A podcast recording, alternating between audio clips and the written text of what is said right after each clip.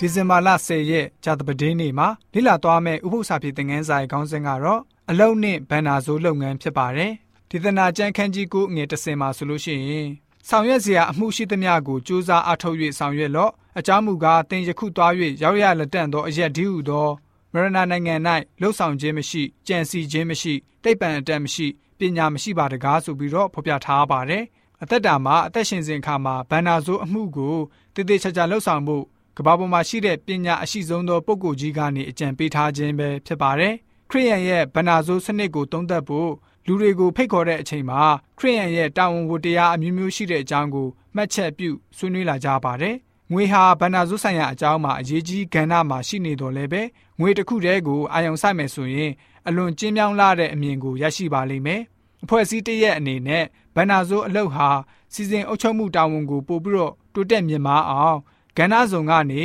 အရင်အမြင့်ပေါ်လွင်အောင်စီစစ်ခြင်းတွေပါဝင်နေပါတယ်။အသင်းတော်မှာဘယ်အကြောင်းပြချက်ကြောင့်ကျွန်တော်တို့ကိုဖျားသခင်ကကောင်းကြီးပေးနေသလဲ။ရှင်ပေတရုအနေနဲ့ရှင်းလင်းပြတ်သားစွာနဲ့လူတိုင်းလူတိုင်းမှာဖန်ဆင်းရှင်ကနေဆုလက်လက်ဆောင်အသီးသီးပေးထားတဲ့အကြောင်းမိတ်ဆိုခဲ့ပါတယ်။အဲ့ဒီဆုလက်ကိုရရှိပိုင်ဆိုင်ထားတဲ့ခရိယန်တွေဟာလည်းပဲတန်ရှင်းသောရေပြောဟိတ်အမျိုးလို့တင်စားထားပါတယ်။အဲ့ဒါကိုတော့ရှင်ပေတရုဩရစာပထမဆောင်ခန်းကြီး2အငယ်9မှာတွေ့ရပါတယ်။ ဖန်ဆင်းရှင်ပေးသနာထားတဲ့ဆုလက်တွေကိုကောင်းစွာထိမ့်သိမ်းအသုံးပြုဖို့တာဝန်ရှိတဲ့အကြောင်းလည်းပဲတပါးတဲ့သတိပေးထားပါတယ်။ငွေကြေးအချိန်ခွန်အားစွမ်းရည်နဲ့အခြားသောဆုလက်အားလုံးကိုထိမ့်သိမ်းစောင့်ရှောက်ရပါမယ်။ဒေသနာကျမ်းခန်းကြီး9ငွေ30နဲ့ကိုရိန္သုဩရစာပထမဆုံးခန်းကြီး30ငွေ31ကိုဖတ်ပါမယ်။ဆောင်ရွက်စရာအမှုရှိသမျှကိုစူးစမ်းအထောက်၍ဆောင်ရွက်လော့အကြောင်းမူကားတင်ယခုသွား၍ရောက်လက် တင်ယခုသွား၍ရောက်ရလက်တန့်သောအရက်ဒီဟုသောမရဏနိုင်ငံ၌လှုပ်ဆောင်ခြင်းမရှိကြံစီခြင်းမရှိတိတ်ပံအတက်မရှိ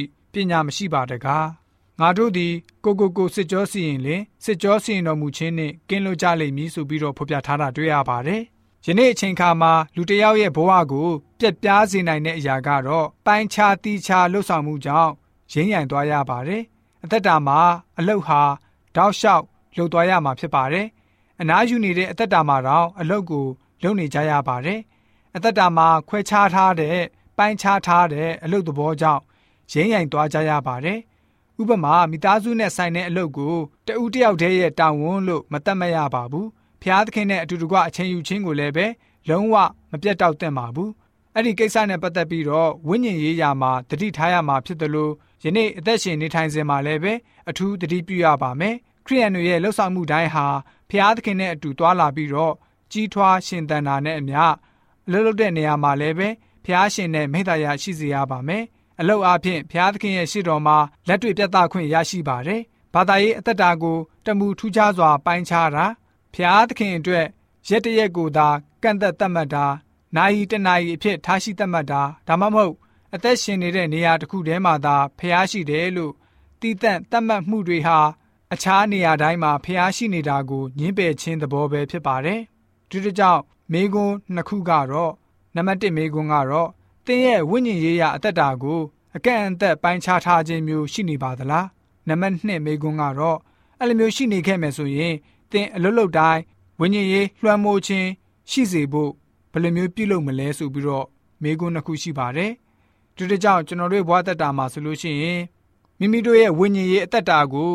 ကန့်သက်ပိုင်းခြားထားခြင်းမျိုးမရှိဘဲနဲ့မိမိတို့ရဲ့ နေ့စဉ်လှုပ်ဆောင်မှုတွေမှာဝိညာဉ်သဘောပြည့်ဝပြီးတော့ဖျားရှင်ကိုအမြဲတမ်းအချိန်ပေးတဲ့ယုံကြည်သူတွေဖြစ်စေဖို့အတွက်ဂျာတပဒေနေ့ဥပုသ္စာဖြစ်တဲ့ငန်းစာကဖော်ပြထားပါတယ်။